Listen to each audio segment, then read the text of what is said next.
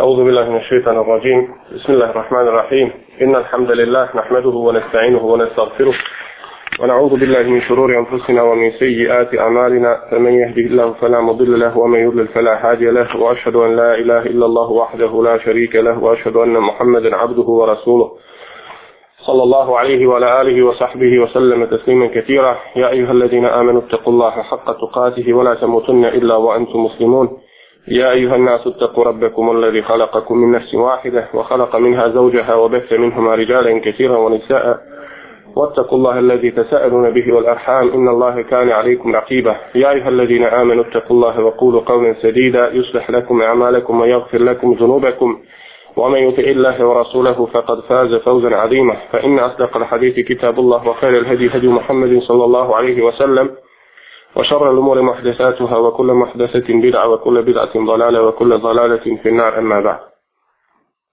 Neka je hvala Allahu zvišenom stvoritelju i neka je salavat i salam na poslanika Muhammeda sallallahu alaihi wa sallame, na poslanika u častnu porodicu njegove ashabe i one koji slijede čineći dobro do sudnjega dana.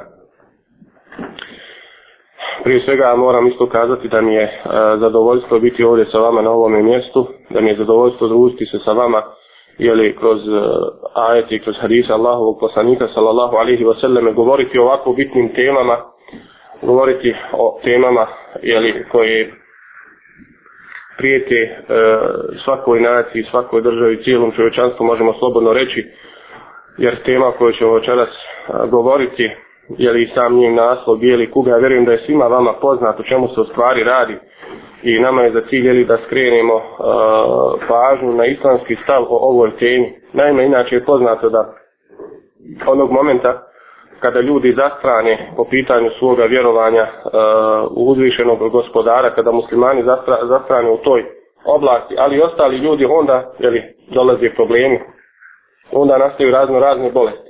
I zato je ova koju mi večeras E, trebamo govoriti jeste jedna od tih teških opasnih bolesti društvenih koje prijete e, ljudskoj vrsti, ali su mnogobrojne i druge.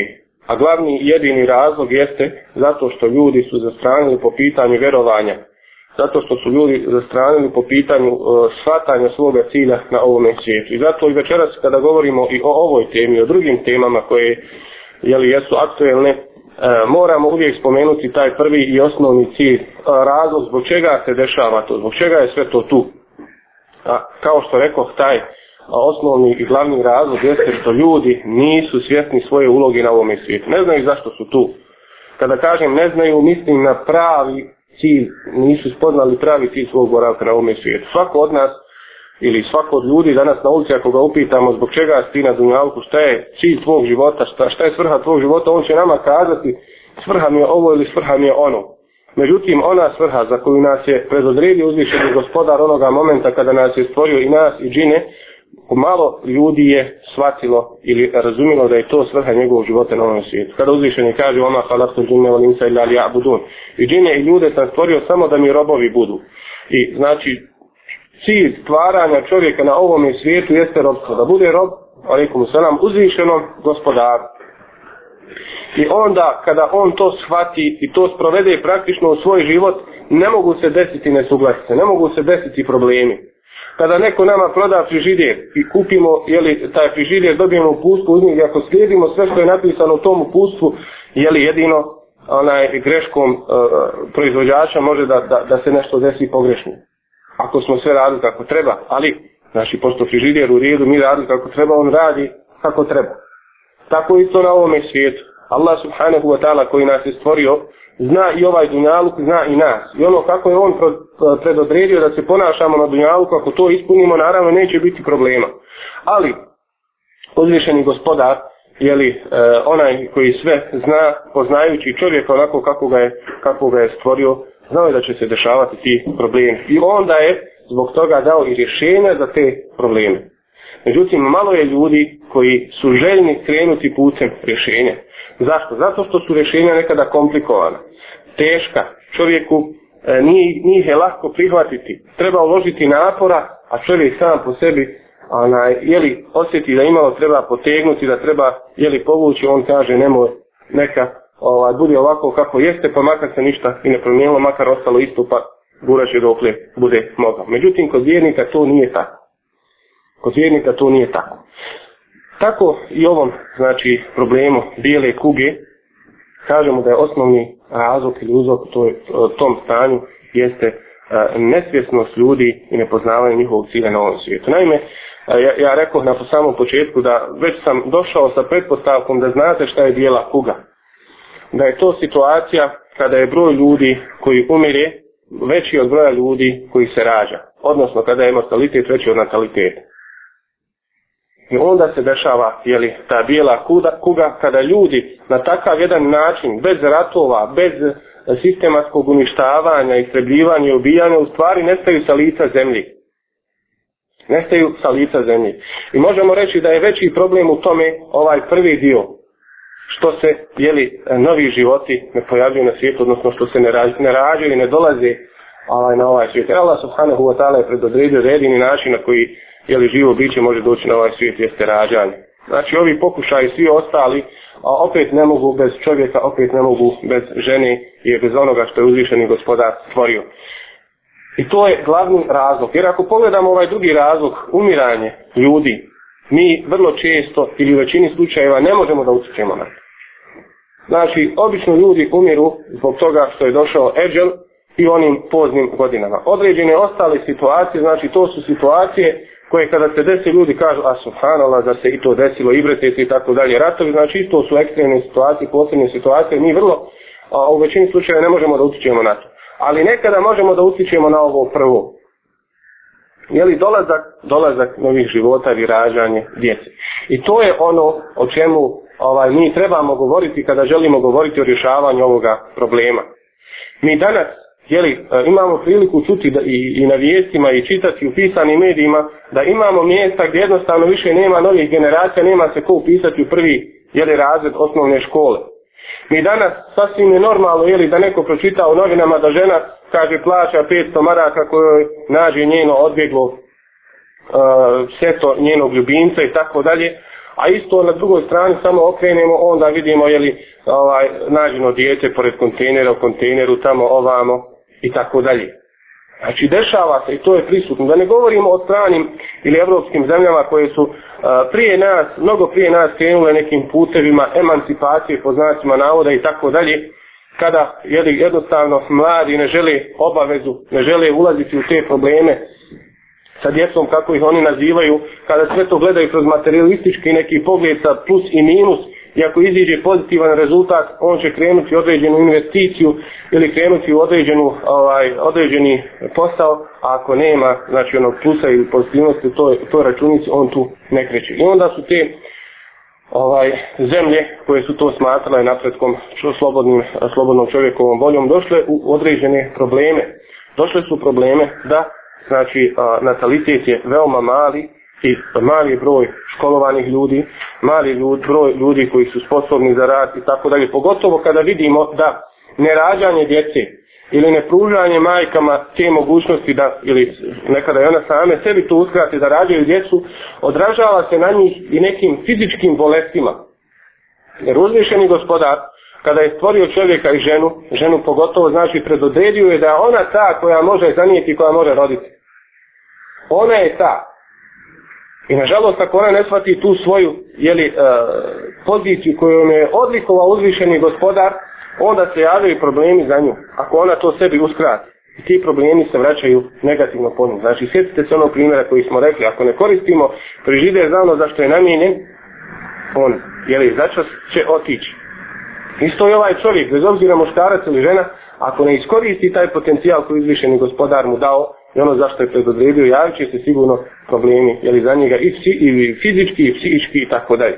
I znači te zemlje na zapadu su okusile gorčinu tog jeli, malog nataliteta ili malog priveštaja e, ljudi. ljudi. I šta onda? Vidjet ćemo da danas ulažu mnoga sredstva kako bi kod ljudi to razvili. Pa oni koji imaju jeli, mnogobrojnu porodicu, imaju određene povlastice, imaju socijalni pomoć i tako dalje, čak imamo jeli, situaciju da naši ovaj, neki ljudi odlaze iz nekih drugih država gdje su porodice brojnije, gdje je to zastupljeno više, odlaze tamo i žive samo te socijalne pomoći koja je namenjena djeci. Zašto? Zato što toliko, toliko jeli, ulažu, ulažu u, ovaj, u, u, u u poboljšanje tog nataliteta su to shvatili zaista kao bolest i kao jel, jednu negativnost u društvu. Znači, jedan od razloga jeste taj nesvatanje čovjekovog cilja na ovome svijetu. Drugi razlog smo spomenuli, jeli Udvijed govorići o ovome, a to je taj materialistički pogled na svijet. Kaže, zašto Švabo kad ode sa svojom ženom, kaže, u, u popiti uh, kahu ili sok, ona, on plati sebi, ona plati sebi.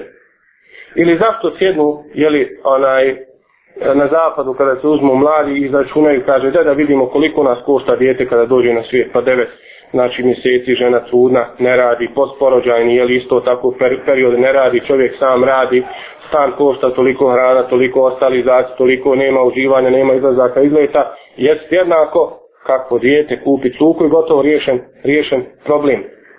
I takav jedan pogled na svijet, takav jedan pogled ovaj, na svijet, uh, naravno dovodi do ovoga, do ovoga problema. Zašto? Zato što onaj, nema određenog motiva koji će to proizvesti kod njih. Kaže tamo islamski učenjaci kada govori, kaže koji je uh, razlog da žena recimo ili muškarac ne počini uh, priljub ili prijestup. Kaže, jedan od tri razloga, ili je to vjerski motiv, pa neće da počini, počini prijelu, ili je to neki moralni motiv, pa ne želi to da, uh, ili je to određena sankcija ili kazna onaj, uh, koja slijedi za to. I naravno, danas u ovom svijetu koji poznajemo, ova dva motiva su skroz skoro eliminisana, i vjera i moral.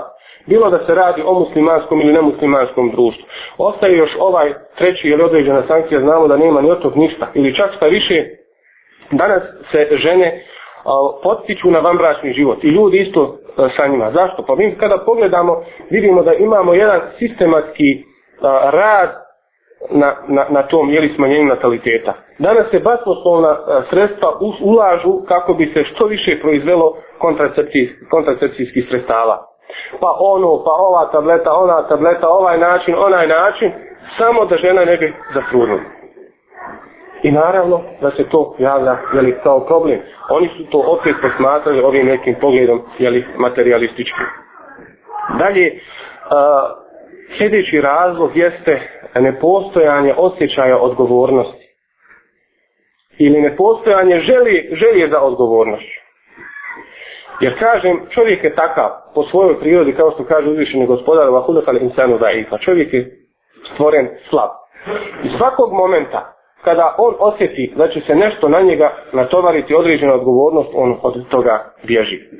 I znači ne postoje neke odgovornosti. Sljedeći razlog i zadnji koji ću ja spomenuti jeste e, neispravno e, ili pogrešno shvatanje institucije braka.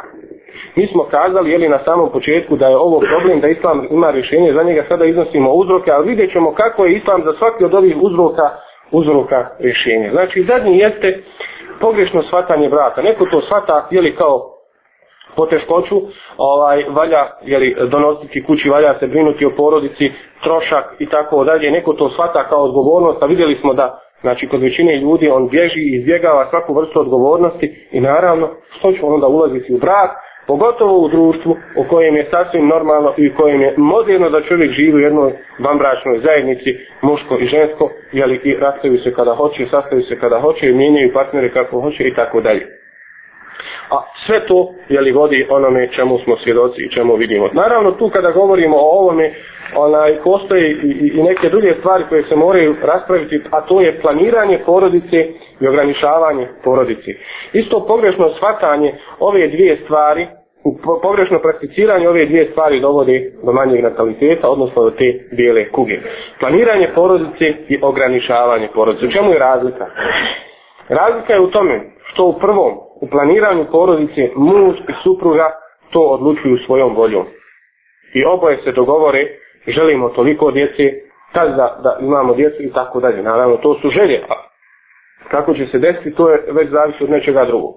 A kada se radi o ograničavanju porodice, onda to dolazi ili od strane države, ili od strane zajednice u kojoj žive, u, kru, u grupi u kojoj žive i tako dalje, bez uticaja ili bez volje ovaj, supružnika nego se jednostavno ograniči kao što je recimo danas poznato u Kini da je ograničeno koliko djece ovaj, se može imati. Iznad toga dolaze određene zakonske sankcije, bilo kroz poreze, bilo kroz uh, kazne i tako dalje. Znači to je to ograničavanje. I jedno i drugo a, naj, ovaj, vode do do, do smanjenog nataliteta ili do bijele kuge. Ovo drugo pogotovo i zato ćemo vidjeti islamski stav kada govori o ograničavanju porodice bilo od strane države ili nekoga drugog da ćemo vidjeti većinu uč, islamskih učenjaka ili možemo reći slobodno ovaj, sa nekim sitnim zdjecima islamski učenjaci kažu da je to zabranjeno. Ima onih koji kažu da je dozvoljeno. Spominju određe kuranske ajete jeli, koje ukazuju na to ali je mnogo kuranskih ajeta hadisa Allahovog poslanika sallallahu alaihi wa sallam koji ukazuje na drugu. A što se tiče samog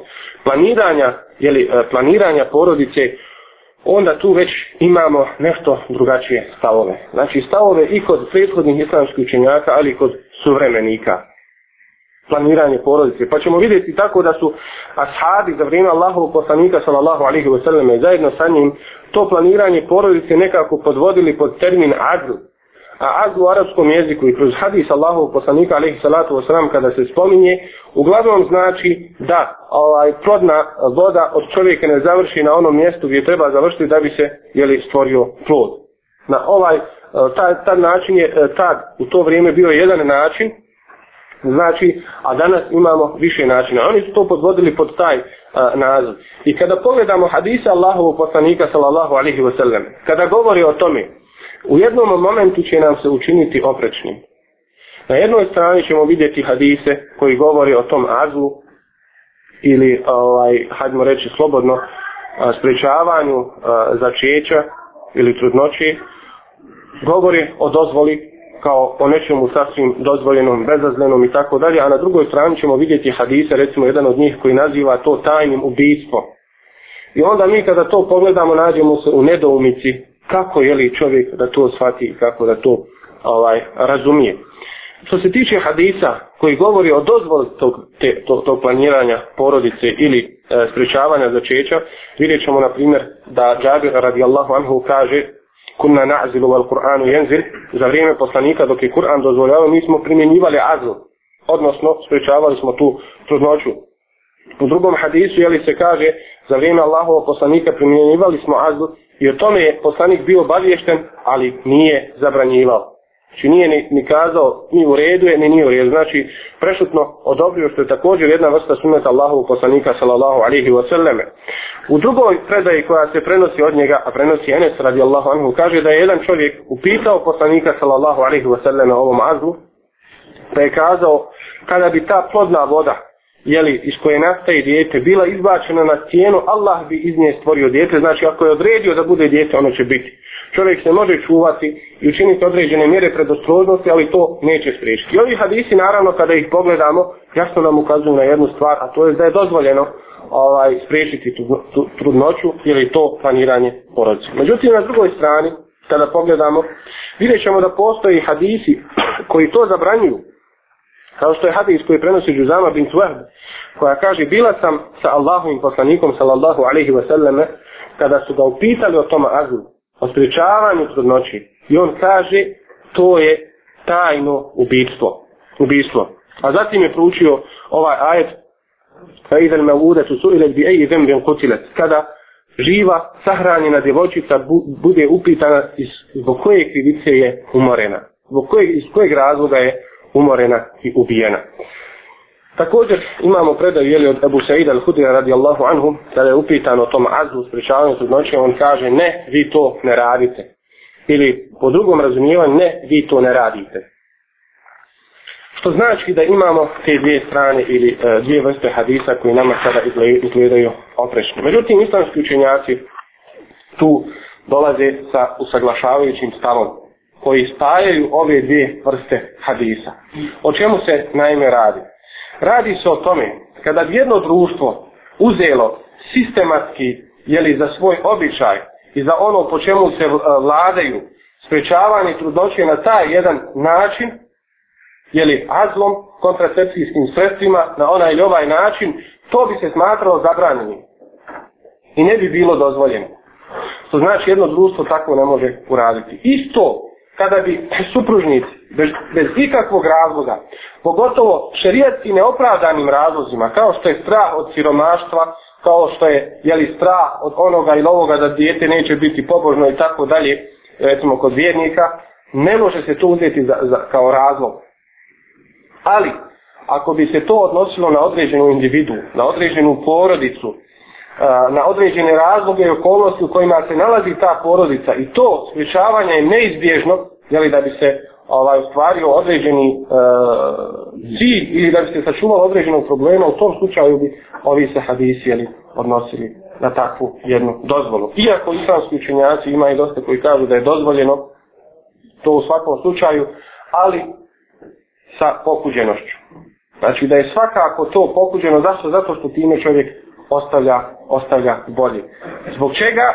Zato mi kada govorimo o dolasku djeci na ovaj svijet. Islam je odredio samo jedan način da se to može desiti. A to je kroz brak. Kroz instituciju, instituciju braka. I kada pogledamo kroz šerijat, šta je najveći cilj, intencija Islama, propisivanjem braka, u stvari, jeli, ovaj, reprodukcija ljudske vrste i dolazak djece na ovaj svijet, kao što kaže poslanik sallallahu alaihi wa sallam, da zavuđu fa inni mukatimu bikum umen. Kaže, ženite se, udajite se, jer ću se ja ponositi vašom brojnošću na sudnjem danu. U drugoj predaji kaže poslanik sallallahu alaihi wa sallam, da zavuđu l'vedud el'valud.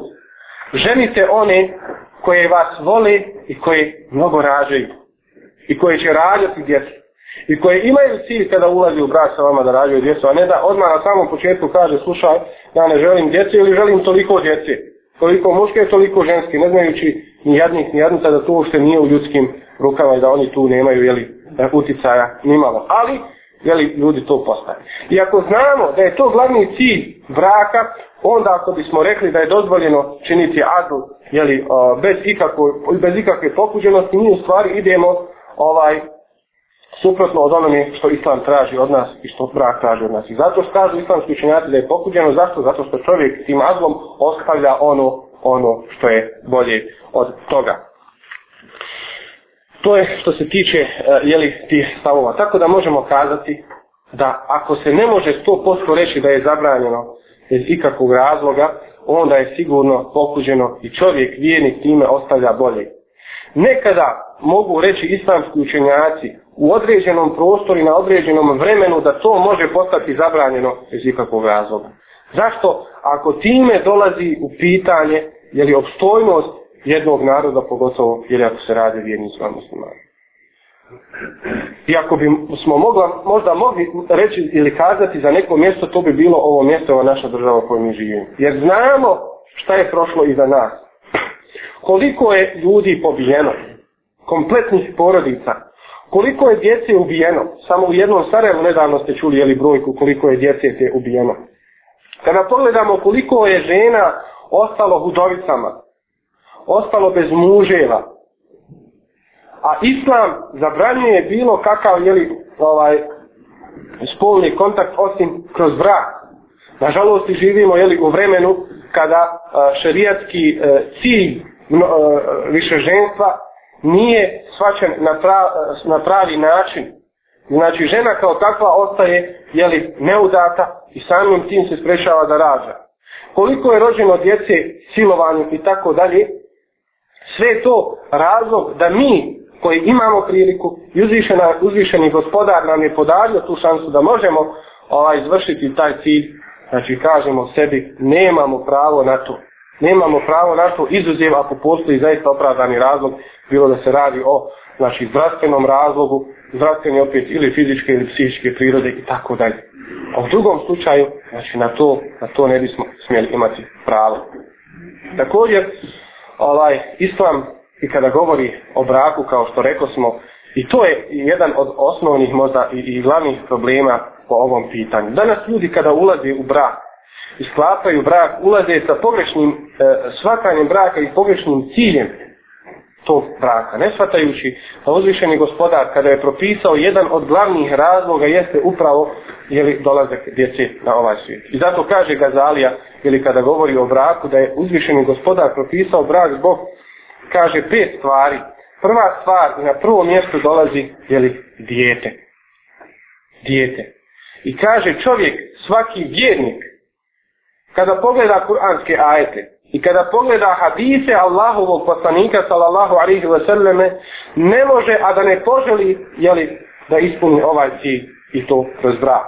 Kaže, prvi razlog zašto to učiniti, zato što time stiče ljubav uzvišenog gospodara Allaha subhanahu wa ta'ala. Kako i na koji način? Zamislite sada da mi imamo radnike koje plaćamo i damo mu Allah damo mu sjeme, ima zemlju, pognjena, uzorana, pripremljena i kažemo samo posi. I ono onda sjedi i neće ništa da uradi. I kada se sve završi, imamo li pravo biti kivni i ljuti na njega? Sigurno da imamo potpuno pravo. Tako isto uzvišeni gospodar, kada je nas učinio na ovoj zemlji, dao nam Allah kojim možemo jeli, imati ovaj reprodukciju ljudske vrste. Dao nam način da to možemo. I pogledajmo mudrost uzvišenog gospodara. Da je kod nas i muška i ženska stvorio tu strast i nagon jednog ka drugom. Jer da nije toga, mnogi ljudi bi se povodili svojim razumom i kazali o jednostavno nemam nikakvu računice u tome i tako dalje. Onaj, međutim, kada postoji ta strast koja jača od čovjeka i nekada je mora potpuniti, a muslima ne može osim kroz brak, onda on ulazi u brak da bi to potpunio. E kada je ušao u brak, ispuni cilj ili braka koji je uzvišeni gospodar propisao, a to je ovaj, ovaj, jeli, cilj. Zato time čovjek stiše tu ljubav. Zatim dolazi ljubav Allahovog poslanika, sallallahu alaihi wa sallame, koja je svakom vjerniku veoma bitna, svakom muslimanu veoma bitna. Jer ako kaže poslanik alaihi salatu wa sallam, da će se ponositi sa mnom i sa tobom, i brojnoću jeli, naše djece na onome svijetu, naravno ako smo imali mogućnosti za to, ako smo bili u stanju za to, Ako čovjek nema mogućnosti, nije u stanju, Allah nikog ne opterećuje više od njegovih mogućnosti, neće biti pitan za to. Ali ako smo imali mogućnosti, on će se ponositi sa nama, mi dođemo, nismo imali djeci. Zašto? Pa šta ja znam, nisam bio spreman na tu vrstu odgovornosti, nisam ja mogao toliko sredstava izdvajati za ono što mi jeli uopšte ne koristi u mom poslu, mojim investicijima, tako dalje. Znači, saznanje koje se ne može kazati ni maloj djeci, pogotovo jednom vjerniku koji razumije stvari onako kako treba. Znači, to je drugi razlog. Treći razlog je što je uzvišeni gospodar dao da to pobožno dijete koje ostane iza tebe čini dovu za tebe. Čini ono od čega ćeš ti imati koristi na onome svijetu. Ono što produžava, hajdemo reći uslovno, tvoj život. Da ti kada predstaviš na, na onaj svijet, još uvijek ima nešto što što je li čini djela i tebi se pišu tamo onaj pojeni idu dobra djela na, na tvoj račun. A šta je razlog? Razlog je to pobožno dijete koje se ostaje za sebe. Neko će kazati, a šta ako bude i nepobožno? Ja se bojim toga. Onda ne želim da imam dijete, može biti loše i tako dalje.